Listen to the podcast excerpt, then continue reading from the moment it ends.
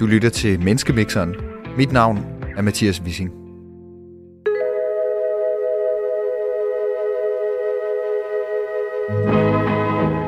En enke, en pensionist og en veteran kommer ind på en bar. Eller det vil sige, de kommer ind på en restaurant. Der er da vildt hyggeligt hernede. Skal, der, skal jeg rykke ind? Jeg hedder Øjvind Thomasen. Jeg er pensionist, 73 år. Jeg tror på kærligheden mellem mennesker og den gode vilje. Der står tre spillemaskiner i hjørnet. Der dufter af pariserbøf, og mågerne synger over bugten. Der var en, der fik jackpot der. Mit navn er Mette Bording Nybo. Jeg er enke. Når jeg ser mig selv i spejlet, så ser jeg en person, der tror på kærligheden og friheden. Jeg hedder Michael Bang, og jeg er 44 år. Jeg er veteran af forsvaret. Og når jeg ser mig selv i spejlet, så er jeg en person, der tror på, at man høster, hvad man sår, og gode dage det er noget, vi giver hinanden.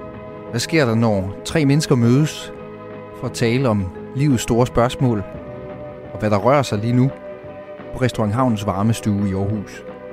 Er du okay? Det er fint. Er de rykket tættere på? Ja da. Du lytter til vores program om tro, eksistens og fordomme her på Radio 4. Og en episode, vi har valgt at kalde Lever du livet med forbehold?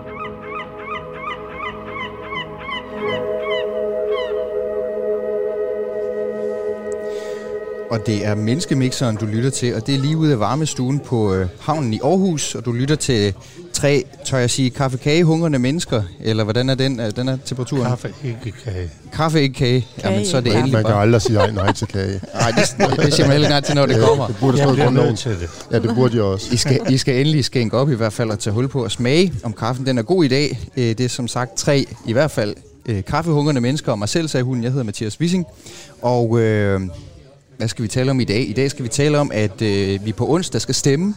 Og øh, det vi skal stemme om, det er jo, om vi skal skyde en pil igennem det forbehold, vi har i forhold til forsvarssamarbejdet i EU. Det betyder, at vi så i menneskemixeren bruger den anledning til at kigge på forbehold i det hele taget. Øh, det er jo faktisk sådan, at hvis man kigger godt, godt efter, øh, så er det de helt store eksistentielle linjer, sådan EU. Ellers halvtør EU-afstemning, kan man godt sige, trækker op.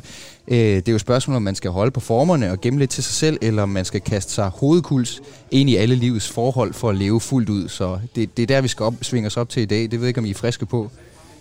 Helt sikkert. Det er ikke sikkert, at jeg svinger mig helt op, men jeg vil godt være med et stykke hen ad vejen. Ja, lad os, lad os se, hvor vi når hen. Øh, I dag der stiller vi nemlig i Menneskemixeren spørgsmålet, hvad betyder det at have forbehold i livet? Og det ser jeg, det glæder jeg mig at se til, om vi kan klemme øh, 55 minutters kvalificeret snak ud af. Mindre kan også gøre det, men lad os se, hvor det bringer os hen. Før vi nu øh, snører støvlerne og træsker ind i den her snak om forbehold, så har vi jo her i programmet en lille fordomsrunde, og til lytteren kan jeg jo sige, at I tre ikke har mødt hinanden før. Øh, så I har ikke andet at gribe ud efter end hinandens fornavne, som I kender, og så ellers udseende.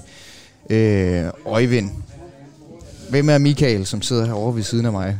Øh, Michael, du har ikke tilfældigvis været øh, udsendt militærmand?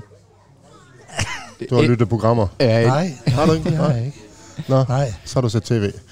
he- øh, heller ikke. Ja, det gør, det Hvad bygger du det på, Øjvind? Øh, jamen, min fordom. Min, Ja, ja, min det er jo det, det går ud på. en type. Hvordan ser han ud, Michael, siden at du ligesom kan lægge ham i rækken af de Øh, andre, du har? Høj, stærk, veltrimmet, øh, øh, klippefast. Øh, Ja. ja. Og, jeg, vil, øh, jeg vil godt stå bag ved ham, når der bliver krig. okay, ja, okay, ja. Nå, Hvis. Nå, der bliver Ja, der bliver altid krig før eller siden. Ja, hvis vi forlænger lang nok tid. Nu får vi se, hvad der sker. Jeg håber ikke, det er de næste 55 minutter i hvert fald. Michael, øh, kan du omvendt øh, så gå, gå videre rundt om bordet og sige lidt om Mette? Hvordan ser hun ud, og, og hvad er hun for en? øhm, hvad hun er for en, den synes jeg, den er svær. Den er hun, svær. er, hun er en nydelig kvinde, Ja. det må man sige. Øh, flot hår og dejlig smil og dejlige øjne. Ja, Øhm, hvad laver med det? Og jeg kunne fristes til at sige, at hun kunne være socialrådgiver eller skolelærer. ja, okay. Det var sådan. Ja, øhm, sådan lige, øh, det er jo de første indskydelser. ja, det var egentlig de første indskydelser, Ja. ja. hvor jeg tænker, at... Hvad tænker du, Øjvind? Åh, kom og Jamen, hjælp det, er, mig. det, er, jamen, det er, det er fra hentandet stort set det samme. Ja, det var også det, du tænkte. Ja. Okay. Jamen, jeg skal nok løfte sløret lige om lidt, men jeg skal også høre dig med det. Hvem er Øjvind herovre? Ham mangler vi for beskrevet. Ja, jamen der sad jeg lidt. øh, Jeg havde lige også luret et dansk flag herovre ved Michael, så jeg havde godt Ja, tænkt, en der var sådan et tatovering på eller andet armen, lidt- eller nej, Nej, på- han har på okay, jakken ja, der, på hvor jeg tænkte, det var Ja. alligevel patriotisk nok at Ja. have det Ja. sådan på sin jakke. Ja. Men, Men nu er det Øjvind, du ja, skal nu er det beskrive. Øjvind. Ja, det er jo så træls, fordi der er jo så ikke så mange sådan ydre kendetegn, og spørgsmålet er jo, om du stadigvæk er erhvervsaktiv, det, og det er jo ikke sikkert, det er derfor, du er inviteret heller, at det nødvendigvis er det, du laver, men øhm, du kunne måske have sådan en eller anden interesse, som var øh, sådan øh, lidt speciel, tænker jeg. Du virker som sådan en, der godt kunne tænke dig at gå dine egne veje i hvert fald. Ja. Men jeg ved ikke øh, helt hvilke. Og hvis jeg skal gætte, er det erhverv, jeg skal gætte på? Er det det, Øjvind er inviteret for? Det kan jeg jo ikke løfte sløret for her, men Nå, du kan kan, vi ikke skal sætte en titel på ham. Du skal altså prøve at sætte en titel på bare ham. løs. Ja, Så siger jeg ornitolog. ornitolog. Okay. Godt bud, godt bud. Michael, hvad, hvad tænker du om Øjvind? Um, jeg tænker, han har set meget af verden. Han har set meget af verden. Jeg, har, jeg tror, han har rejst meget. Jeg tror, han, øh, han har rejst meget i sit øh, arbejdsøje. Ja. Øh, arbejdsrelateret. Ja. Øhm, ja, jamen, han kunne have været, han kunne have været kaptajn på en uh, AAA Mærsk. Uh, Skulle der ikke være tatoveringer så? Ja. nej, nej. Jeg tænkte godt på det der med at sejle. nej, der står mor faktisk. heroppe langt nok op. Nå, det er det. Ja, over På under godt t-shirten. anker. Ja. Trohåb og kærlighed. Ja, lige ja, ja, Ind under den gule Jeg havde også lidt t-shirt. sejl, Ja. sejletanker. Det kan Ja. godt være. Ja, men øh, godt afsløre, du sejler også lidt en gang imellem. Det er der faktisk flere her ombord, der gør. Men øh, lad mig lige øh, præsentere Mette Bording Nybo. Enke er den titel, hun har her i dag.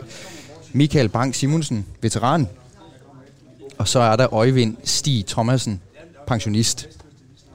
Og for at komme et spadestik dybere end de der end de der titler, vi nu ellers er blevet kastet til at være med i programmet på, så kan jeg sige, at Mette Bording Nybo, hun er enke, men også gymnasielærer i fransk og dansk, forfatter, flittig foredragsholder, hyppig gæst i naturen, så det var heller ikke helt dårligt, den med skolelærer øh, og Mette, for lige at dreje den ind på dagens emne, hvilke forbehold har du så haft i forhold til at deltage i det her program? Altså i forhold til menneskemixeren, det her med at komme og udlevere sig selv og sådan. Har, du, har det kommet med forbehold? Nul. Nul forbehold? Nul forbehold. Du har- Nej, jeg synes bare, det lød spændende. Du er Så klar det til var at ja. kaste ud på det dybe Ja, lige vand? med det samme. Ja, dejligt. Michael Bang Simonsen, veteran, tidligere udsendt til Afghanistan. Nu både ejer og ofte at finde på vandet. Du er PTSD-ramt, hvilket blandt andet betyder, at du bedst kan lide at sidde her i hjørnet, når du sidder sådan et sted som varmestuen her, så du kan overskue hele rummet Se udgangen. og se udgangen. Ja, hvorfor er det, hvorfor er det du, du tager det forbehold, altså i forhold til din PTSD? Jamen, det, det er jo de oplevelser, øh, som jeg har fået, øh, eller de har på sjælen. Det er jo i forbindelse med, med min PTSD. Så udvikler man, så udvikler man nogle, i nogle tilfælde dumme og irriterende vaner. Ja. Øhm, det, det er den der arousal, øh, al, al, alarmredskab, man er i. Ja. At man er nødt til, altså jeg skal kunne overskue så mange mennesker som overhovedet muligt. Se deres ansigtsudtryk, og jeg skal vide, hvor jeg skal hen, hvis, øh, hvor kan jeg komme ud, hvis situationen her den ikke passer mig, Ja. eller passer min sygdom. Ja. Øh, Ja. Ja. Så der er nogle klare forbehold, som er helt sygdom. forbehold Ja, ja, ja. i forbindelse med sygdommen. Så er der Øjvind Stig Thomasen, pensioneret socialpædagog og leder i psykiatrien, der ofte frekventerer varmestuen her. Du sad også lige og fik en persillesovs, før vi, før vi mødtes. Lidt kartofler ved siden af. du er også både ejer, er det korrekt? Ja, Ja, og så er du øh, sammen med din kone på 50. 20. år. Øh, Øjvind, når du nu her den 8. juli runder 50 år sammen med din kone, er det så et resultat af, at du altid har givet dig ubetinget og uforbeholdent hen til kærligheden, eller hvad er nøglen der? Nej, altså der er jo sket, altså man må se på det fra starten af, der var det en form for kærlighed, en form for tiltrækning. Den er jo så øh, udviklet sig hen igennem tiden. Så i dag der er det, øh, vil jeg sige, 90-95 procent godt venskab. Mm, Øh, og, øh, og så har jeg sådan en, en oplevelse af, at øh, hvad er kærlighed for, noget af det? Nu kan jeg godt lide sådan noget filosofiværk der, og kirke og alle den slags ting der. Og øh, kærligheden, den er svær at definere. Men øh, jeg, jeg vil sige, at øh, kærligheden er noget, man skal dedikere sig til. Man skal sige, jeg vil et andet menneske. Ja. Og det skal man sige øh, helt bestemt, altså give sig hen på den måde. Ikke ubetinget og ikke blindt, men man skal opbygge en vilje til at ville noget. Ja. Øh, Vi skal meget længere skal- ind i den der senere. Ja, Ja, det kan ja, jeg okay. høre, der er masser at grave i der. ja, Øh, for her nu skal jeg sige, at selvom det lyder som en øh, lidt forvrænget version af, af den gamle vittighed om en tysker, en franskmand og en dansker, kan vi sige det her, i den her EU-anledningsudsendelse, vi laver, som kommer ind på en bar sammen, så mixer vi altså i den her episode af Menneskemixeren på Radio 4 en enke, en veteran og en pensionist. Og vi gør det så bare ikke for at lave en eller anden fjollet joke. Vi gør det for at tale om eksistens og tro og fordomme.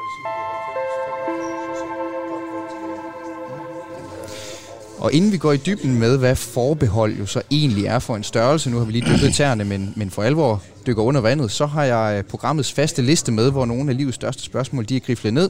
Og hver uge så rafler vi om, hvilket spørgsmål, der finder vej til programmet til sidst. Og øh, jeg skal have en tværsum af det, I slår. Øh, Mette, kan du tænke dig lige at slå med raflebæret? Ja, fem. 5. Øjvind, 6. 5 plus 6, det er 11. Og Michael slår En træer. en træer. Med lidt hurtig hovedregning, så får jeg det til 14.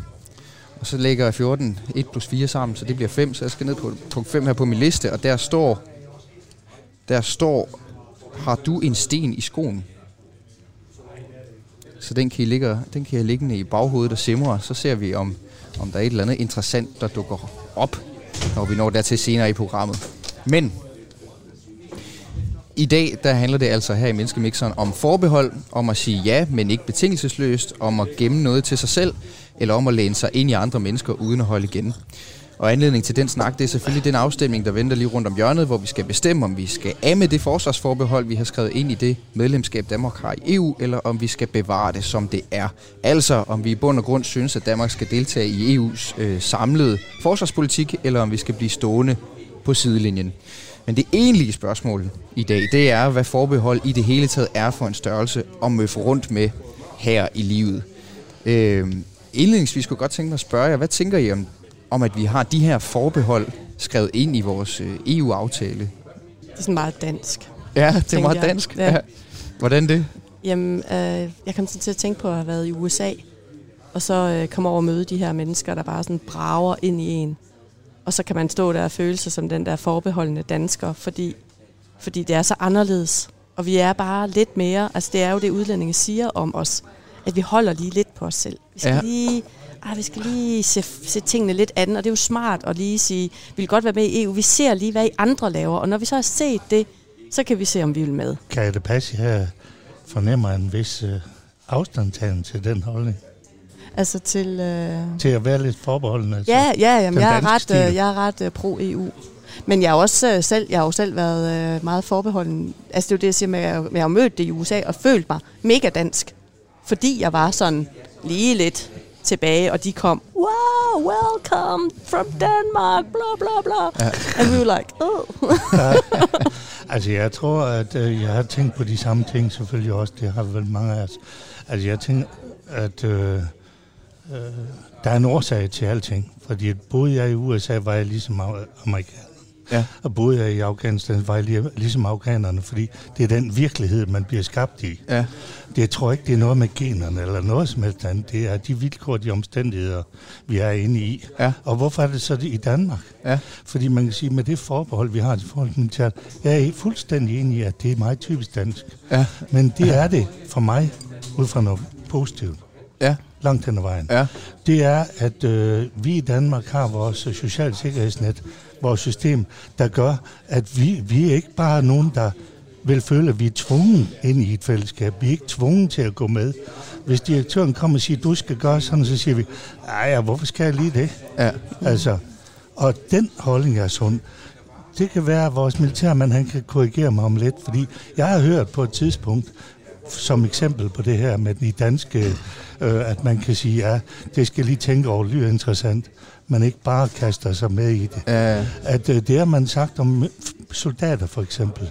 Danske soldater, de har en høj status rundt omkring i verden. Og det er jo ikke, fordi de er øh, Batman og alt muligt andet. Det er, fordi de tænker. Ja. De tænker selv.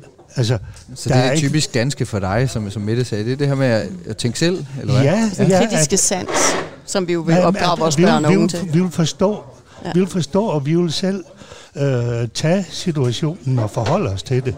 Vi kaster os ikke bare øh, hæmningsløst eller uforbeholden ud i, mm. i tingene. Hvad, hvad, hvad tænker du, Michael, om, om, om det Øjvind siger her? Jamen, Øjvind, han, øh, han slår i hovedet lige på sømmet.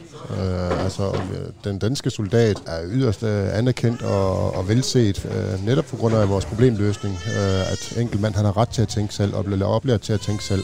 Øh, selvfølgelig er der en leder, en mellemleder og, og en leder over ham. men, men når, op, når opgaven den er udstukken, jamen, så tænker enkel, øh, enkel mand selv, og jamen, det kan godt ske, at vi får besked på, at vi skal gøre sådan, og gøre det på den måde. Ja, men vi kunne også. Nå ja, det var så egentlig en smart idé, så gør vi det på den måde i stedet for. Og det er en mellemleder i Danmark heldigvis uddannet til Ja. at, at, at gøre.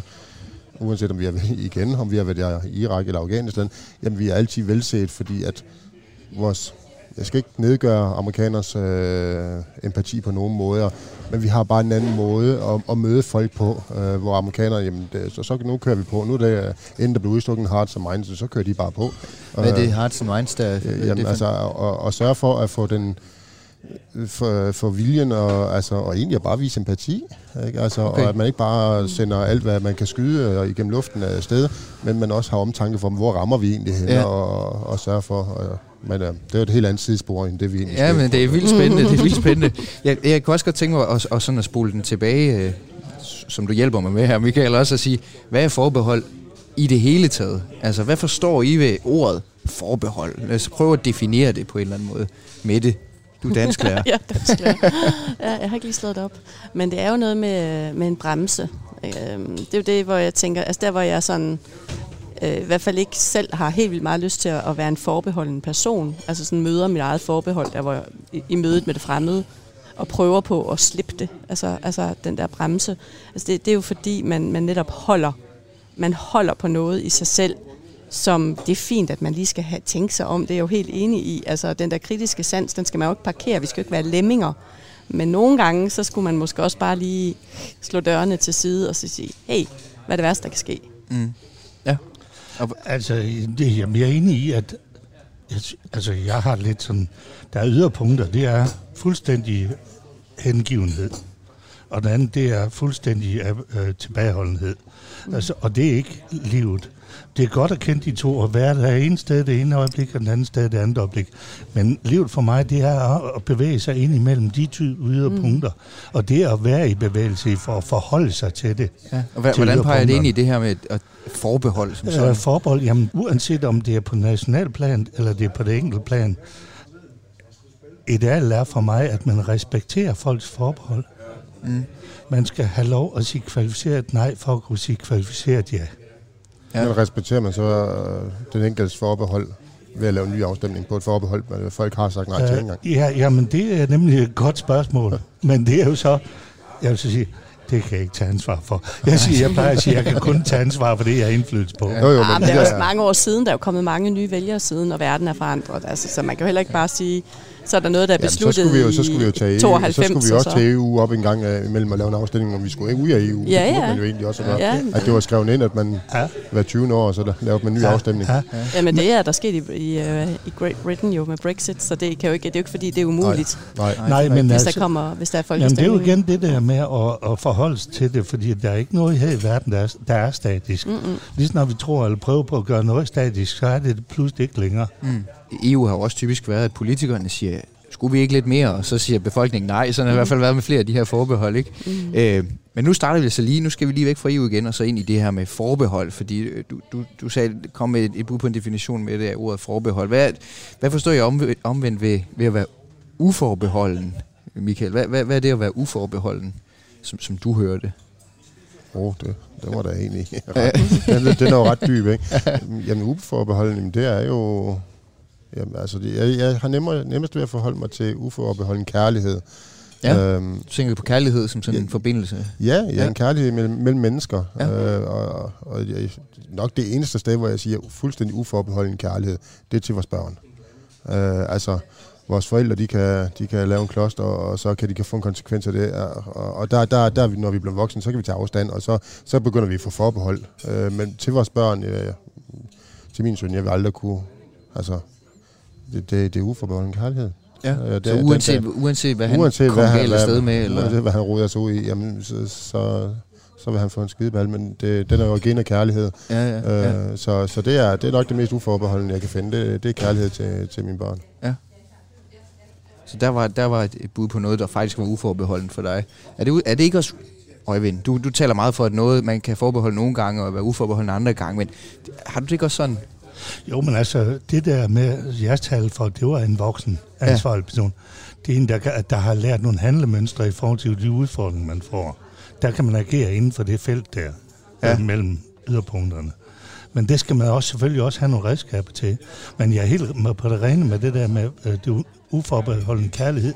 Jeg har svært ved at se den andre sted end netop til børn. Lige nøjagtigt, og det er også derfor. Præcis. Men altså, det er sjovt nok, fordi kærlighed, ægte kærlighed, det oplever jeg også som, at jeg, når jeg føler mig tiltrukket af anden, så kan mit barn se barnet i den anden.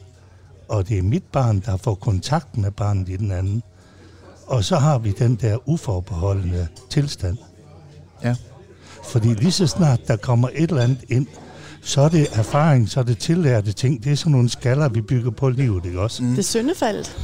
Altså, du, Hvad? faktisk, du vil faktisk gerne tilbage til, til, øh, til tilstanden før, altså en paradisiske barndomstilstand, hvor før man ligesom forstår det onde i verden. Altså det, men det tror jeg faktisk er meget rigtigt. Altså, at der er et eller andet sådan barnligt, sådan grundlæggende barnligt i at møde verden med tillid og ikke have nogen forbehold. Og så lærer man så som barn, at verden er ond, og man kan slå sig på den. Og så stille lidt efter lidt, så bliver man mere og mere forbeholden, fordi man har slået sig på noget. Det tror jeg egentlig på en eller Og anden måde, nogen der er kalder noget det rigtigt i. Ja, ejendomssorg og have forbehold. Pas på, ja. Ja, jo. Det, det, det kan man sgu op og ned for alt, Ja. ja. afhængig af, hvad jeg har behov for lige her og nu. passer på Pas mig på sig selv. Ja, Ja, Men det I har, allerede, I har Mm. allerede været rigtig gode til at tage hul på det, fordi øh, det jeg egentlig godt kunne tænke mig også, at vi, nu har vi ligesom forsøgt at slå fast, hvad er forbehold, men jeg kunne, vi skal ind i, hvad er forbehold for jer? Og øh, det skal vi i Menneskemixeren, som er et program, hvor at vi gør noget ud af at undersøge det, vi tror, men ikke nødvendigvis ved. Øh, man siger jo, at man ikke skal tro, men vide, men det er sikkert også rigtigt, men i det her program, der giver vi altså lige så meget plads til at tale om det, vi tror, som det, vi ved.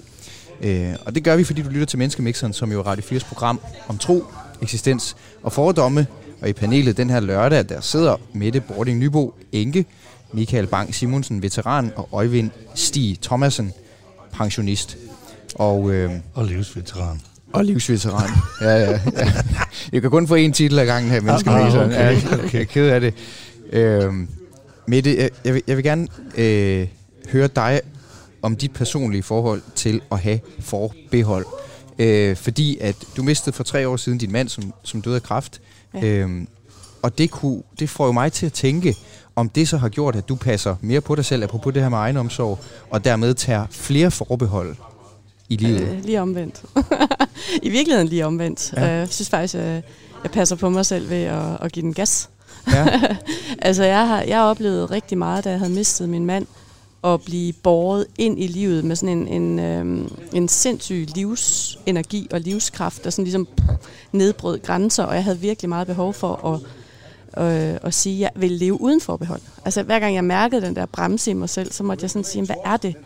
Prøv nu lige, hvad er det, jeg skal, jeg skal, jeg skal videre her? Det, der var meget sådan, øhm, der var den her forpligtelse på livet, som for mig havde at gøre med øh, ikke hele tiden at begrænse mig selv og sige, åh, hvad kan der nu ske? Og øh, for eksempel også i forhold til det her med, med øh, at, at søge et nyt kærlighedsforhold og ville, ville kærligheden, fordi jeg vidste, hvor, hvor værdifuld kærligheden var. Så i stedet for at sige, åh oh, nej, det tør jeg ikke, fordi jeg er bange for at miste for det gør så ondt at miste, ja. så blev det meget mere, jeg skal have ny kærlighed, for jeg ved, hvor, hvor vigtigt det er. Og det er det eneste, der faktisk er vigtigt. Ja, ja. Så, Så- du, ja. ja. ja, men, men det er jo, altså, jeg tænker bare, hvis, altså, det er jo, det er jo sådan en mareridt ting, det er at miste dem, der står aller tættest på os, og så ja. Ja. har jeg jo sådan en følelse af, at jeg vil lægge mig i fosterstilling, eller så, men du venter ja. Ja. dem til at, til at komme endnu mere ud end nogensinde. Nu kommer der kage en dag, Ja, jeg sige. Så, ja, det må vi lige tage imod. Det er vigtigt. Kage. Ja, det var noget, der skete for mig, kan man sige, at jeg fik den der øh, livskraft for Øh, tror, det var fordi min mand og jeg gik sådan meget døden i øjnene. Altså, vi gik døden i møde sammen, og så det i øjnene, og ligesom øh, forstod, at det var det vilkår, han skulle dø, og jeg skulle leve. Og så var det også sådan en stærk forpligtelse til, hvis man skal leve, så skal man jo ikke gå hele tiden og holde på sig selv. mm. Øh, Så det- jeg tror, det er derfor, du også fornemmede den der afstand i mig til, til begrebet. Fordi i virkeligheden, så tænker jeg, nej, det er bare let it go. Altså virkelig bare at sige, hey, liv, det er nu. Ja. Øh, og, øh, og, og der var jo mange, der faktisk også synes, det var lidt mærkeligt, at jeg havde det sådan. Øhm, det var også underligt. Altså, der kom bare sådan en livsstrøm, men jeg gik med den, og, og der gik jeg så imod den forventning, der var. Fordi livskraften var man sige, vigtigere og større end øh, de forventninger til, hvordan man skulle være, når man var i sorg, var. Så, Og det er jo Ja. nogle af de her tanker, som du står med på stranden i Lands, på Lanzarote, hvor du Ja. har lavet en walking meditation. Du fortalte Ja. en helt vild historie, da jeg, da jeg snakkede med med dig. Kan du ikke Ja. lige sige, hvad det var? Jo, hvad gik jo, ud på? jo. For det var ja. også med ordet forbehold. Jamen, det var faktisk ja. selve prøv ordet lige, prøv forbehold. lige, du står der med, med tæerne, de bare tager i sandet på stranden. Ja, ja men, men øh, der, der siger hende her yogainstruktøren til os, øh, efter vi har været en uge på yogakursus, at nu skal vi øh, sige, hvad er det, mærke efter inde i os selv, og mærke, hvad er det, vi vil. Vi skal samle to sten op fra stranden, og den ene skal symbolisere noget, vi vil lade blive på Lanzarote, og noget, den anden skal symbolisere noget, vi vil tage med os hjem fra den uge. Øh, og den ene skal vi så kaste i, i havet, og den anden skal vi tage med os. Og den sten, jeg står med i hånden og vil kaste ud i havet, den får ordet forbehold for mig. Altså det er det ord, der kommer til mig, og den anden sten, som jeg vil tage med mig, det er frihed. Øhm, og, og det havde rigtig meget på det tidspunkt at gøre med det nye kærlighedsforhold, jeg var i øh, her, øh, de her fire måneder efter min, øh, min mand var død. Og jeg kunne mærke den der bremse, der stadigvæk var i mig, hvilket jo øh, der ikke er noget overhovedet noget mærkeligt i. Øh, det jeg kommer jo til at elske ham til at dør, øh, da jeg er død. Så det er jo, Ja. det, det, jo- det var sådan den der underlige følelse af at elske to mænd, en død og en levende, og, og, øh, og, og der var naturligvis nogle forbehold i mig øh, i den forbindelse. Og, og det, øh, det stod jeg så der og prøvede sådan mentalt at, at begrænse. Og det vil ikke sige, at det lykkedes den dag, men det, var, det er bare en proces, ongoing proces, at, at være bevidst om, jamen, hvornår er det, jeg bremser mig selv, og hvorfor. Er det, er det godt, eller er det skidt? Og så tog du den her forbeholdssten og kastede så langt væk ud i så havet, du kastede jeg den ud i havet, ja, så tog jeg friheden med frihedsstenen hjem. Den ligger i min punkt. Hvad er det for, hvad er det, tænker du om det forhold, øh, øh, Øjvind? Jeg kunne godt tænke lige at høre de tanker på mellem forbehold og frihed som to forskellige ting.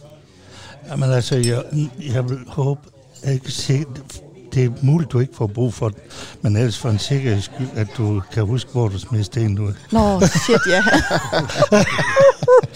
jeg må ud i uh, Atlanterhavet. Om frihed, jamen altså, jeg kan godt forstå dit behov i den givende situation. Mm, ja. Men altså, jeg vil ikke påstå, at det kan godt se meget anderledes ud om et halvt år eller et år. Men altså, der er jo, de der forbehold, vi får, det der hæmmer os, det er jo alle vores forventninger til vores voksne, og det gammeldags ord for ansvarlighed. Vi skal være fornuftige, og vi skal tage en uddannelse, og vi skal have en hus og Volvo og alt muligt. Og det hæmmer os, det begrænser os, fordi det er dikteret mm. til os.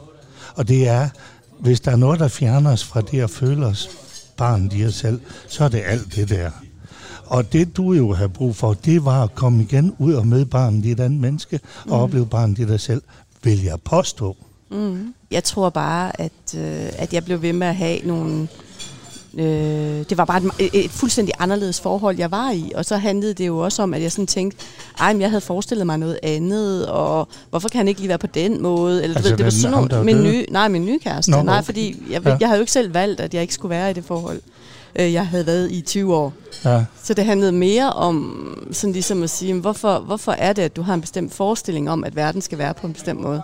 Kan du ikke lige prøve at, prøv lige, prøv lige at brede motorvejen lidt ud og sige, at livet og kærligheden kan være på mange forskellige måder, i stedet for hele tiden at have den der idé om, ah, men kunne han ikke lige, Ja, eller mm, hvorfor føler jeg ikke lige det der øh, på Mm. den måde, jeg synes, jeg skal, eller Mm. sådan Mm. nogle. Det er jo også forbehold. Hvad tænker du, øh, Michael, om den historie der? Kan du se det for dig, at Mette står på Lanzarote og kyler en sten ud i havet? Nu har jeg selv været på Lanzarote på La Santa, så, Ja. øhm, men det, det, det kunne jeg sagtens, jeg synes, det er, det er jo yderst, yderst smukt. Øh, det er hendes afdøde mand, øh, altså fordi et eller andet sted, så tror jeg, de har indgået en pagt, hvor, der, hvor, hvor ordene og størst af alt er kærlighed Mm. sammen. Øh, og og det, det må man sige, øh, og kan afslutte på den måde, det er jo yderst flot Mm. at, at komme videre. Det her, jeg tænker også, det har kostet øh, ikke nødvendigvis, nogle lusinger, men nogle bump fra andres menneskers syn på, at nu burde du faktisk have sovet i mange år. øh, Det gør jeg også. Ja, ja, det gør du Ja, også, det er men du, det. far, for du, du finder også kærligheden. Ja. Øhm, så i, jamen det, er jo- det er jo en genial måde at, at, at prøve på at, ligesom at, at kaste noget, noget væk fra sig, som man ikke har brug for, og tage noget med sig videre, som er vigtigt for en, og så bære det i sin punkt. Det, det, det synes jeg jo, det er, det er jo en fantastisk måde at gøre det på. Ja. Vi burde gøre livet lidt mere op i to forskellige sten, hvor vi tager afstand med den ene og Ja. tager den anden med hjem. Ja. Det er enkelt, ja. måske, måske, måske bliver begrebet fortyndet med tiden, men med, med, Ja. i det der synes jeg nu, det virkede rigtig, rigtig, rigtig smukt. Michael, jeg kunne også tænke mig at spørge dig, fordi nu, nu hørte vi jo i starten her, at, at for eksempel, når vi sidder her på Restaurant Armestuen, så kan du bedst lige sidde i hjørnet for at kunne øh, overskue hele lokalet, ikke? Mm. Øh, som et resultat af den her PTSD, som du har fået konstateret, efter du kom hjem fra Afghanistan. Øh, hvilke andre forbehold har den her PTSD ligesom kostet dig, øh, siden du kom hjem? I- Jamen, det er jo det er jo desværre ikke en, hvor jeg kan vælge at så smide den væk, eller, øh, eller sortere ud i den. Den, den dikterer heldigvis, og, og så må jeg prøve på at bestemme, hvor meget den skal diktere min hverdag. Øhm, men jeg har jo forbehold på, fra jeg står op til at gå i seng, øh, om jeg skal ud eller ikke skal ud, om jeg har overskud til at, at møde nogen i dag, og møde mennesker i dag. Øh, og skal jeg absolut møde nogle mennesker, hvor jeg, jeg er dårlig til at sige nej til aftaler, så, så må jeg måske tage lidt medicin til at hjælpe mig at styre hovedet. Ja. Øhm, jeg tror primært, at man skaber nogle forbehold ud for de ting, som man har i rygsækken igennem livet. Ja. Nu har jeg været i Afghanistan, og det er også en del af min rygsæk, øh, på godt og ondt. En af de ting, hvor jeg sådan synes, at jeg føler mig meget hæmmet af det, fordi det stikker imod mit livssyn. Øhm, øh, og ikke at have forbehold. Øh, fordi jeg ønsker ikke at have forbehold, men, men i form af, at jeg har været der, hvor jeg har været, og været udsendt øh, i Afghanistan, og uanset hvordan jeg vender men så ser afghanere typisk afghansk ud.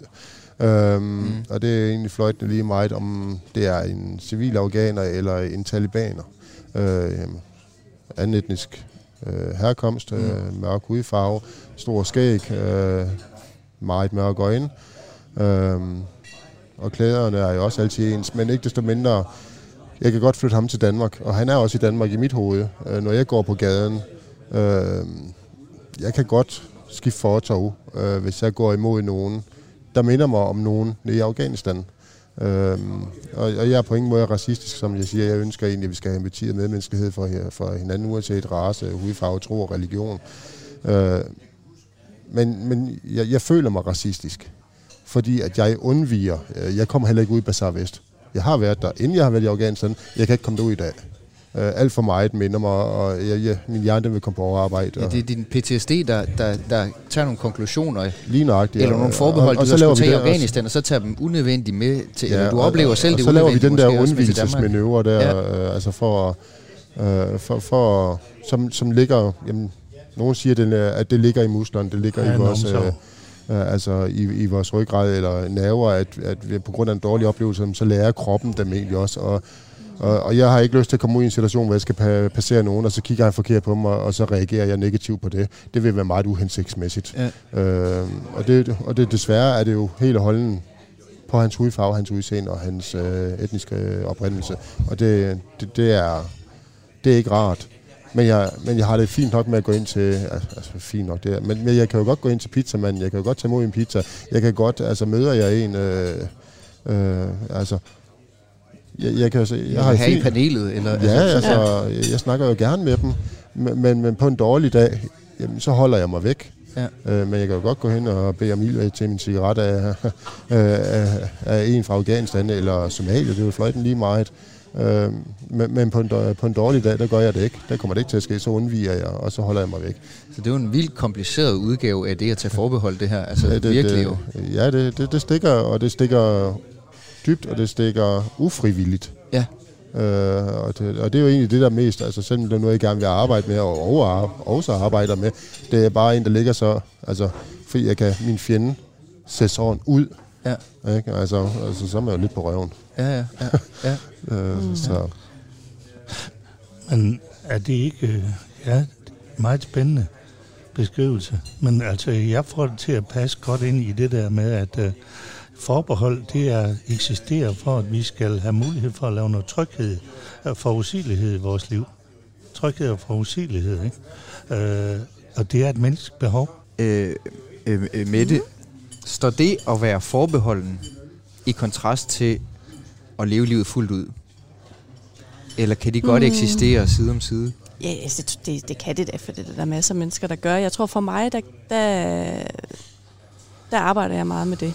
Altså, hvor jeg, jeg undersøger meget i mig selv, hvad er det, der, der begrænser mig. Det er fordi, det er så forbundet med det med frihed. Ikke? Også de bliver hinandens modsætninger på en eller anden måde. Ja. At hvis jeg, hvis jeg føler mig sådan rigtig fri, så, så behøver jeg ikke at holde så meget på mig selv. Men, øh, men det betyder ikke, at jeg ikke er forbeholden. Altså det er bare, at jeg er opmærksom på det. Det er Ja. mere det. Ja. Øh, fordi selvfølgelig skal jeg, har jeg også brug for at føle mig tryg og, og, og afkode situationen. Og, Ja. øh, og sådan tænker jeg egentlig også, at mine, mine børn er jo også på den måde. Det handler jo også netop meget om refleksionen, og Ja. at man, man lige skal vide, hvor, Men- hvor står vi henne. Men jeg tænker bare også, jeg hører også, altså jeg hører også fra Michael, der findes også de forbehold, som man godt kan være opmærksom på, og egentlig vil ønske sig af med, Ja. men, men som er ufrivillige, ikke? Altså, som man ikke kan komme af med. Det er jo der, hvor man må så må være med det der. Hvis ikke, altså, det, som du siger, du arbejder, det er også et livslangt arbejde for dig. at arbejde med det, det er også opmærksomheden. Det, det er jo beslægtet. Det er mm. så bare så sindssygt for dig her. Altså, så, så, så voldsomme oplevelser, at, at du ikke kan ligesom komme af med den. Hvor jeg, man kan sige, jeg har også været igennem en traumatisk oplevelse ved at skulle sige farvel. Men fordi det hele ligesom jeg blev hjulpet så meget af min mand, for eksempel, fordi han gik med i det, og vi havde forberedelsen. Han blev grevet bort fra mig pludseligt, mm. og så videre. Der, der er der ikke kommet nogen der er ikke kommet nogen mønstre i mig, som, som råber flugt, eller Ja. det her må jeg ikke udsætte mig selv for, fordi så ved jeg, at jeg reagerer på en bestemt måde. Men der, så det er ikke sådan nogle stærke, stærke ting, men der, det betyder ikke, at det ikke er der mm. af alle mulige andre grunde, også netop tilbage fra, fra tidligere ting mm. i livet og så videre. Det, det tror jeg, alle mennesker, som du siger, det er jo forsvarsting, man, man sætter op øh, ja, efter syndefald, altså efter man begynder at blive bevidst, Mm. øh, helt fra man er lille. Øh, Øjvind, jeg har også en, en høne at plukke med dig i forhold til forbehold. Øh, og det, og det jeg har altså ikke fået lige selv få sendt kagen rundt. Jeg har ingen tallerken. Man kan da spise på en Ja, kan vi underkop. bruge kan ikke. underkopperne her? Nej, men, Men han har sagt, at han ikke skal have noget. ja, Og så Er du ikke det på også- kagevogn? nej, nej. Det, er, det, det burde I jeg heller gerne ikke være. min, Ellers så får du hvis så kan I fadet. lave en kan lille få hjørne fadet, bare for ja. den. Du må gerne, vi, vi kan dele, hvis det er. Du må gerne få, hvis Jamen, du bare skal have så et hjørne, så kan vi i hvert fald godt dele. Så tager du Hov, 90 prøv at se, der er en procent af tallerken her. Skal Skal du vi sige se. 90-10, det kan vi sagtens finde Ja. ud af. Øjvind, øh, øh, du, du er jo du er en minoritet her i Danmark. Du har været sammen med den samme kvinde i over, øh, i, i, ikke over, Ja, men men lige ja, præcis, ja, men lige ja, knap det er- 50 år. øh, det, er, det, er ikke, det har de fleste ikke. Øh, så derfor så kunne jeg godt tænke mig at, at spørge dig om, øh, hvordan, hvordan du kan koble det sammen med forbehold. Altså at være i det samme øh, parforhold i så lang tid. Er det fordi, at man sætter nogle forbehold op sammen, som man overholder og siger, at vi har nogle spilleregler her, og så, så, kan vi, så bliver vi enige om det inden for det, for det til at lykkes? Eller at det modsatte af det, siger, at vi giver os fuldstændig hen til hinanden nu, og så er det med hud og hår resten af livet. Altså vi, igen det, så har der sket, det er jo en dynamisk proces, der, der er sket nogle udvikling i det og ændret karakter. Da jeg jo ganske ung, der tror jeg, jeg kaster mig rimelig hovedkultur i det. Der var det, man kalder forblændet af kærligheden. Ja, det var det Romeo og Julie. Og, og så vågner man jo lige så stille op, der er vedbrødsdagen, og det kender I alle de der floskler omkring det, ikke? Og, og så bliver det sådan mere problematisk, og så begynder man at, at blive opmærksom på de forbehold, der har ligget latent hele tiden i forhold til det at indgå i et fællesskab. Så man kan også have forbehold, man ikke engang ved, man har. Ja da, Ja. Øh, øh, jeg tror, at de fleste unge, der kaster sig ud i et parforhold, eller et kærlighedsforhold, jeg tror, de øh, lægger deres øh, øh, forbehold på hylden, øh, fordi at de vil beruses af, og det er forståeligt, det vil, det vil jeg så gerne, så tit som muligt, men og det vil man jo gerne der som ung, at mærke det der sus og, og varmen i kroppen og det hele. Og, øh, men igen, det er der ikke noget, der er vedvarende, og det er sådan den form for kærlighed heller ikke. Det tror jeg, de fleste øh, forfattere og forskellige andre har skrevet bøger om siden. Og så begynder det at komme, at så begynder man at sige, at vi skal have nogle husregler. Nu er det mig, der laver mad i går. Nu er det din tur. Og så videre. nu er det dig, der skal stoppe og skifte blæ. Så begynder sådan noget at komme. Så at man så kan blive ved at finde ud af det på en eller anden måde, tror jeg er betinget af, hvis vi nu prøver at sætte nogle yderpunkter op, det der holder, tror jeg, er det, at man er i en dynamisk proces, at man kan snakke om tingene. Ja. Frem og tilbage, fordele, og jamen det, det kan jeg ikke lide, jeg vil godt have sådan, og, og så laver man nogle kompromiser, og så finder man ud af at få det til at, og, og man løser det hen ad vejen. Ja. Men det forudsætter det også, at begge parter ønsker at indgå kompromiser. Ja, men det tror jeg sådan set alle mennesker i bund og grund vil. Men der kan være nogle gange, hvor man er skruet lidt uheldig ud i at have nogle forventninger om, at den anden skal gøre mig lykkelig. Og så, det, så vil det aldrig ske. Så, så, så koker det hele. For det vil vedkommende aldrig kunne, helt kunne leve op til. Mm. Så hvis ikke jeg er i stand til at arbejde med at gøre mig selv lykkelig, og føle lykke, og være lykkelig, øh, og det vil også være som at rumme og acceptere. Hvis ikke jeg er i stand til det, så kan man godt glemme alt om det. Så har det en kort gang på jorden forholdet. Og øh, lige stand, så øh, tror jeg også bestemt, at der er sjældent, jeg tror ikke, det findes idealforhold, hvor begge to er lige magtfulde i forholdet. Der er øh, som regel en, der udkrystalliserer som en overhund, og den anden som... I parforhold? Ja, det er det, det, jeg ofte ser. Men, men det må aldrig blive så, så voldsomt, så, øh, den, så den anden ikke også føler, at de ikke kun er gæst i den andens liv. Ja. Øh, at de også har indflydelse. Det, det, er en, det er smart at gøre. Ja. Også dem, der har magten. Det er lidt smart at lave, om så man kalder det pseudodemokrati, men i hvert fald prøve at arbejde hen i retning af, vi skal lige snakke om tingene. Men er, er du over- eller underhund? øh, Øjvind. Der. Ja, nu er der jo, øh, nu er der jo lyttere på her. Hvis vi to kan, hvis I kan svare på det, når mikrofonen er slukket, det vil jeg godt, men du må tænke på, at jeg, jeg bliver nødt til at tage vare på husfreden fremover. Er du, er, du er også gerne nået til 55, ikke? ja, I er ikke færdige. Mette, har du, kan du, øh, er, hvordan er I? Er I 50-50 fuldstændig balance i yin-yang, eller, eller kan du godt genkende det her med, at man skal ikke gøre sig øh, utopier ej, om, ej, om at total, alt altid er 50-50. jeg er totalt utopiker på den der, okay. det der område. Det er det, der gør det lidt kompliceret nu. Ja. Øhm, jeg vil sige, at øhm, jeg oplevede at være meget, meget uforbeholden i mit, øh, i mit ægteskab i de der 20 år. Øhm, grundlæggende i mig selv, så var der alt muligt andet. Netop kompromiser, man skulle sige. Øh, og kan du, hvorfor skal du det? Og nu må det være min tur. Og du ved, sådan nogle ting der. Men det havde ikke rigtig noget med forbehold for mig at gøre. Forbehold, det er ligesom sådan noget, hvor man bremser sig selv indeni. Øhm, og det havde jeg egentlig en oplevelse af, at jeg, at jeg var i stand til at, at holde fast i den grundlæggende, fuldstændig overbevisning, klar, klar overbevisning om, at vi skulle være sammen. Den var jeg faktisk i stand til at holde fast i i 20 år. Og, og det gør det kompliceret for mig nu at være voksen og indgå i forhold. Fordi nu er jeg et andet sted i mit liv. Jeg, har bare, jeg var bare i stand til at have den med mig helt fra min min tidlige 20'ere, den bar jeg med mig ind til midt 40'erne der, ikke? og så blev jeg så alene som 45-årig.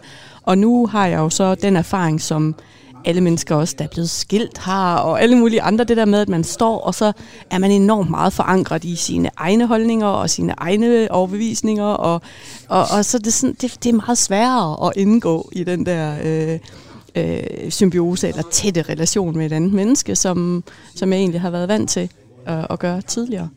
Øh, men, men jeg kan sagtens, sagtens følge det der med, med magtforhold, men jeg synes, at et, et, et sundt forhold, det, der skifter det. Altså egentlig, jeg, jeg vil, altså, jeg, jeg synes ikke, at, at der er en af os, der sådan har magten i mit nuværende forhold, og sådan synes jeg heller ikke, det var i mit, øh, i mit tidligere forhold. Jeg synes, det skifter lidt. Jamen sådan er jo også kommet til, altså, som jeg siger, at forholdet har ændret sig igennem de 50 år. Og i dag Øh, det kan godt være en periode, der har det været sådan, at der var en, en skæv fordeling af magtforhold. Men øh, det at blive i det, at blive i processen, ville blive i processen, det er der, man kan dedikere sig, det er der, man kan give sig hen. Det er at ville, ville hinanden, beslutte sig for det med sig selv. Og øh, fordi at jeg tænker, at altså, livet i sig selv her på jorden, det er jo ikke noget, der er givet. Det er jo meningsløst i sig selv. Altså, sådan. Men mindre man er troende eller et eller andet. Men jeg har den opfattelse, at livet er, det er ligegyldigt for universet, om jeg er her eller ej. Men hvis jeg, når jeg nu er her, så vil jeg godt... når det nu skal være. Når det kunne være noget. Så vil jeg godt forholde mig til tingene, og så mærke efter, hvad, ja. hvad fungerer og hvad fungerer ikke. Det vil sige, at øh, jeg skal gøre mit liv, eller jeg skal ikke, jeg vil gøre mit liv meningsfyldt. Mm. Så det, jeg har i at gøre, og det, det, er, en, det er at være i proces. Jeg tror ikke, jeg tror ikke på det der med uh, den eneste ene, og altså de der to yderpunkter. Jeg elsker at bevæge mig frem og tilbage ind i det der. Og så opleve min evne til at være i processen, til at problemløse. Ja. Fordi det, det giver mig en voldsom glæde hele tiden. Ja. det er også motivation for at være med i det her. Jeg kan godt lide dynamikken, jeg kan godt lide at, mm. at og jeg vil være så ked af, hvis jeg sad sammen med to andre, der var helt enige med mig. Mm. Så vil jeg... Ja. Det, det, det vil ikke være så du, du, du kan ikke lide, hvis det bliver alt for mageligt. Du kan godt lide, lige skal jo, bruge, bruge lidt energi det på at skifte må godt være mageligt en gang imellem, men ikke hele tiden for mig i hvert fald. Jeg vil godt have nogle udfordringer. Jeg vil godt have nogle flere paletter og nuancer. Altså igen det, som nogen siger, at man bliver til menneske blandt mennesker. Jeg udvikler mig jo, altså har mulighed for at se, og det synes jeg er spændende og interessant. Dejligt. Føler mig levende så.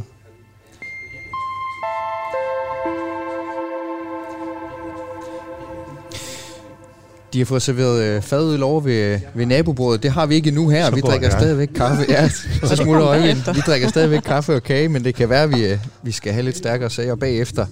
Øh, her i Menneskemixeren, som er Radio 4's program om tro, eksistens og fordomme. Øh, og med et panel, som øh, den her maj lørdag består af Mette Bording Nybo, Enke, Michael Bang Simonsen, veteran, og Øjvind Stig Thomasen, pensionist. Og i Menneskemixeren, så har vi den her liste med livets store spørgsmål, og i starten der raflede vi om, hvilke af de her emner, vi skal tale om i dag. Det blev til sammen 14, det vil sige 1 plus 4, det vil sige 5, og spørgsmål nummer 5, det var, har du en sten i skoen? Michael, har du en, en, en, en lille eller en stor sten i skoen lige for tiden? En lille irritation eller en eksistentiel øh, kvababelse, som du går rundt med? Nej, det tror jeg egentlig ikke rigtigt, jeg har. Er du god jeg til har... at pille dem ud, hvis de er der? Ja, det synes jeg. Jeg har ikke plads til det i min hverdag. Nej. Uh, jeg har aldrig med at pleje mig selv. fast øhm, arbejde. Ja, det er fast arbejde. Uh, nej, selvfølgelig kan jeg da opleve irriteret. Uh, nogle irritationer er mindre end andre, og jeg kunne da godt kan finde kæmpe irritation i, hvad der foregår i Ukraine. Hvem kan ikke den? Mm. Uh, kan finde mindre irritation over, hvor vi skal til at stemme. Og med det EU-forbehold, jeg mener, vi allerede har svaret på en gang, så gæt hvad ja. stemmer. ja. um, Øhm, men, men ellers nej, så har jeg, så jeg, jeg prøver på at, på at undgå dem. Ja, og, og få luftet ud. Og, og få det luftet ud. Jeg kan ja. godt lide, uh, jeg er blevet rimelig temperamentsfuld. Uh, også i forbindelse med en syg, uh, sygdom. Og jeg kan meget, altså jeg kan virkelig hisse mig op i trafikken, og jeg kan skælde ud, og jeg kan smelle ud, og jeg kan give dem fingeren, jeg kan, men jeg er Ja, oh, sidste uge, der var der, der var Randers FC spillet mod uh, øh, FCK. og jeg skulle ind og læse uh, nogle af ved Water Wellness i Randers, og der står sådan en, uh, en, uh, en fin mand, og han siger så, at der må jeg ikke køre, uh, han vil høre, hvad, hvad jeg skal derinde, fordi jeg, hvis jeg kom for at parkere som fodboldfans, så var der ikke flere pladser, hvis jeg skulle ind til Water Wellness så, så, så, var det, så, så, så var det super idé. Ja. Men det rager ikke ham, besluttede jeg mig nemlig for, fordi han er ikke politi, og han var ikke i politi, ergo det er de eneste to, der må regulere trafikken. Så jeg kører forbi ham med min trailer på. Ja. Øhm, og så der, og så med, mens fruen hun retter ind og betaler for ungerne, der skal, der skal i Water Wellness, så sætter jeg egentlig og tænker over, hvad i alverden var det for en opførsel af mig? Hvad har det betydet at rulle vinduet ned og så sige, jeg skal lige derind og liste med her? Og så har han sagt, det er bare super. Øhm, så da jeg kommer tilbage, holder for rødt, så ruller vinduet ned, og han står ved at snakke med en anden bil, og siger, at han kan ikke komme ind og parkere.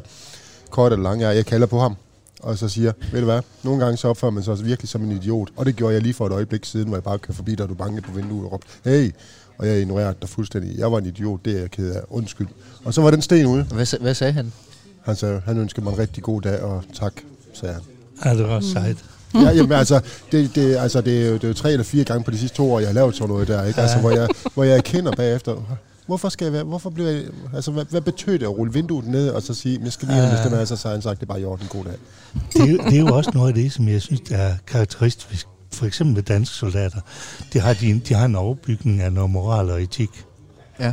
Og, øh, hvad, tæ- hvad tænker du på? Øh? Nej, men det, jeg tænker på her, i det, at du gør det, fordi vi kan jo alle sammen fejle, men det, fejlen er ikke så alvorlig, hvis, hvis vi kan korrigere den lidt og rette den lidt ind med en eller anden overbygning af noget etisk og moralsk og noget, noget menneskesyn, der kan holde en på plads. Ja. Fordi at et samfund, der, der, der ikke har det, og det kan vi, kan vi jo se ude i verden, der er mange samfund, hvor de ikke har sådan et fælles etisk normsæt, altså så må man lave flere regler fra samfundets side.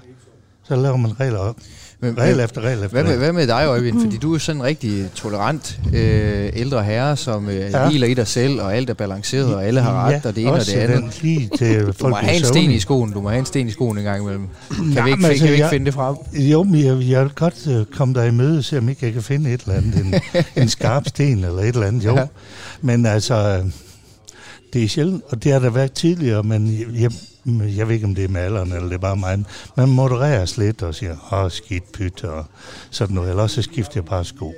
Uh, hvis ikke jeg gider bukke mig ned og hælde stenen ud. Altså, der er sådan forskellige måder, man kan ligesom... Eller også kan jeg negligere, at der er en sten i skoen. Det kan jeg godt. Nej, det er ikke næsten værre. Altså, nej, bare nej, som nej, nej, jeg føler mig sej i, at jeg kan gøre det. Altså folk, de kan pisse mig af, eller prøve på det, men det kommer kun lige hertil. Ja, altså, Jeg har mit eget psykologiske ja. Ja. usynlige værn.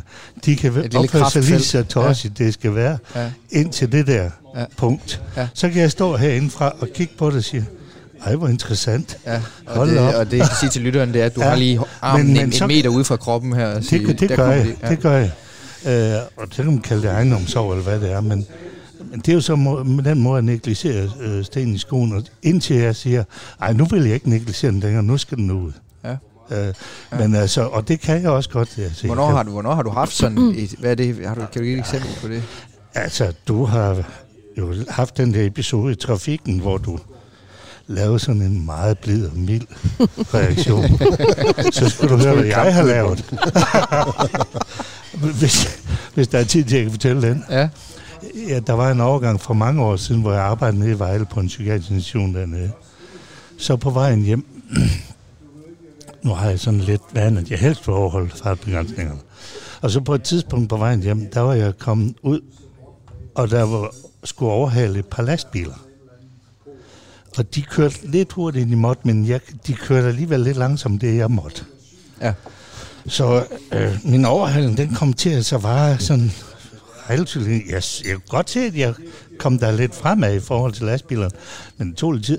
Der var der så kommet en bil, der lagde sig bag ved mig, og den lagde sig altså et sted mellem halvanden og to meter fra min kofanger, og sådan godt ud til siden og blink med lyset. Og, og jeg tænkte, ej, de skal ikke presse mig til at overskride fartbegrænsningen. Det kan fandme ikke være rimeligt. Nej, faktisk hellere gå den anden vej så. Ja, det har jeg en meget stor nemme til. Men jeg tænkte, nu skulle du heller ikke blive barn i øjnene. Så øh, jeg, jeg holdt, og så tænkte jeg, nej, nu, øh, jeg kører det, jeg må, og så må det vel komme over. Men han blev ved og var helt enormt aggressiv. Det sidste blev, fik han godt nok op i det røde felt. Det nåede han. Fløjten ikke kogt. så det kørt. Så kom jeg forbi, så holdt jeg ind, så trak jeg ind til siden. Så passerer han for at få Ulle hammer. Så må jeg så desværre indrømme, jeg satte farten op, og så kørte jeg bagefter ham hele vejen ind til Aarhus, hele vejen ind igennem, jeg skulle holde op en nåledel, hele vejen ind igennem, lige bag ved ham. Og så stopper han op inde i, på en parkeringsplads inde i ved Frederiksgade. Og ja, inden han næsten var ude af døren, der var jeg igen ved siden af ham. Og jeg var jo fuldstændig rykket. Han var et hoved højere end mig, og han havde en kammerat med. Og de var yngre end mig. Han var også et hoved højere end mig. Men jeg stillede mig helt om. Jeg skældte ham her herfra. Han, jeg var er ligeglad med, om han kørte sig selv ihjel, og at hvis det var det, han ville, og hvordan han ville opføre sig. Men han skulle ikke genere mig med sin kørsel. Jeg havde familie. Hvad, hvad, sagde han, jeg- hvad sagde han til det? Jamen, han sagde ikke. Han nåede ikke at sige ret meget. Men uh, stort set ingenting. Han, bup, bup, bup, bup, ja. Altså, jeg kogt, Ja. Øh, Mette, kan man også have sten i skoen, der ikke er i trafikken? Eller er det kun der, vi... Øh, Nej, det er det, Det, din, det er jo et rent børnehave. øh, øh, Ja, det kan jeg godt høre, men Der er en lille smule biologisk slagside, tror jeg. Der er, det kan godt ske, det er et mandeproblem. Ja, ja det, det, det ved jeg ikke rigtigt. Men øhm, nej, jeg sad lige der og tænkte på, der irriterer mig helt vildt lige nu. Jeg har virkelig en sten i skoen, det er fordi, jeg er ved at sælge mit hus. ja, Og så, øh, så har jeg jo fået lavet en tilstandsrapport. ja. Og, og jeg har køber, vi skal bare have skrevet under ved alt der. Så er tilstandsrapporten jo udløbet, fordi der er gået et halvt år. Ikke? ja. så Og så det der ud. byråkrati, det er simpelthen ved at drive mig til vanvid. Altså, der er, ikke, der, er ikke, der er ikke sket, der er ikke nogen, der har foretaget noget i huset, der er ikke sket nogen udefrakommende begivenheder, der har skrevet under på alt det der. Og stadigvæk, så skal man udfylde alle mulige papirer, og så skal man, og det virker jo at ikke, så det skulle jeg gøre fire gange, og så virker det stadigvæk ikke. Og så skal man have en ud, der skal kigge på nøjagtigt det samme, som han kiggede på i sommer, og have penge for det. Og der bliver jeg sådan lidt, der, der, det der unødige byråkrati, det kan faktisk godt være en sten i, sto, i skoen for mig. Altså, det skal bare, det skal simpelthen være meningsfyldt. Og det, øh, det bliver det virkelig ikke der. Der kan jeg godt mærke, den skal jeg godt nok lige have. Ah, den skal smides væk. jeg må ud til vandet. Når nu huset er solgt, og det hele er landet, så kan det være, at jeg glemmer alt om det igen. Jeg vil ønske, Mette, jeg vil ønske dig god kamp med byråkratiet. Og hvis du kan løse det hele på en gang, så kunne det Så være dejligt lige for os det hele Så tager jeg lige lige- alt kan du ikke lige få ryddet op i det hele? Jo, Ja, og Øjvind, han tager sig af alle åndssvage bilister. Ja, vi skal have Øjvind ud på motorvejen og ligge og... Væk med Ja, jeg skal lige først. Ja, Jeg skal lige væk skal også lige Så vil jeg have først. sådan en Aston Martin, ligesom James Bond med raketter i. Det er lige nøjagtigt. Vi er, vi er kørt hele vejen gennem dagens program, øh, og jeg vil sige øh, uforbeholden tak øh, for jeres gode ord. Mette Bording Nybo, Enke, Michael Bang Simonsen, veteran, Øjvind Stig Thomasen, pensionist. Øh, Menneskemixeren er slut for nu, og Menneskemixeren er faktisk slut i det hele taget, fordi det her det var sidste episode, og vi håber, at øh, dig, der lytter med, har haft fornøjelse af programmet. Musikken, som du hører herunder, den er komponeret af Steffen Nordenstam. I redaktionen der sidder researcher Gitte Smedmark og redaktør Gry Brun Mathisen. Du kan stadigvæk finde programmet her også fremover som podcast i vores Radio 4-app. Mit navn er Mathias Wissing. Jeg vil sige tusind tak til jer tre, øh, Mette, Michael og Øjvind, fordi I var med i sidste udgave af Menneskemixeren her. Jeg håber, I synes, det er Selv dejligt at være med. Det var Helt sikkert. Spændende. Tak for Ja. det. Og så skal jeg sige tak til dig, der lytter med.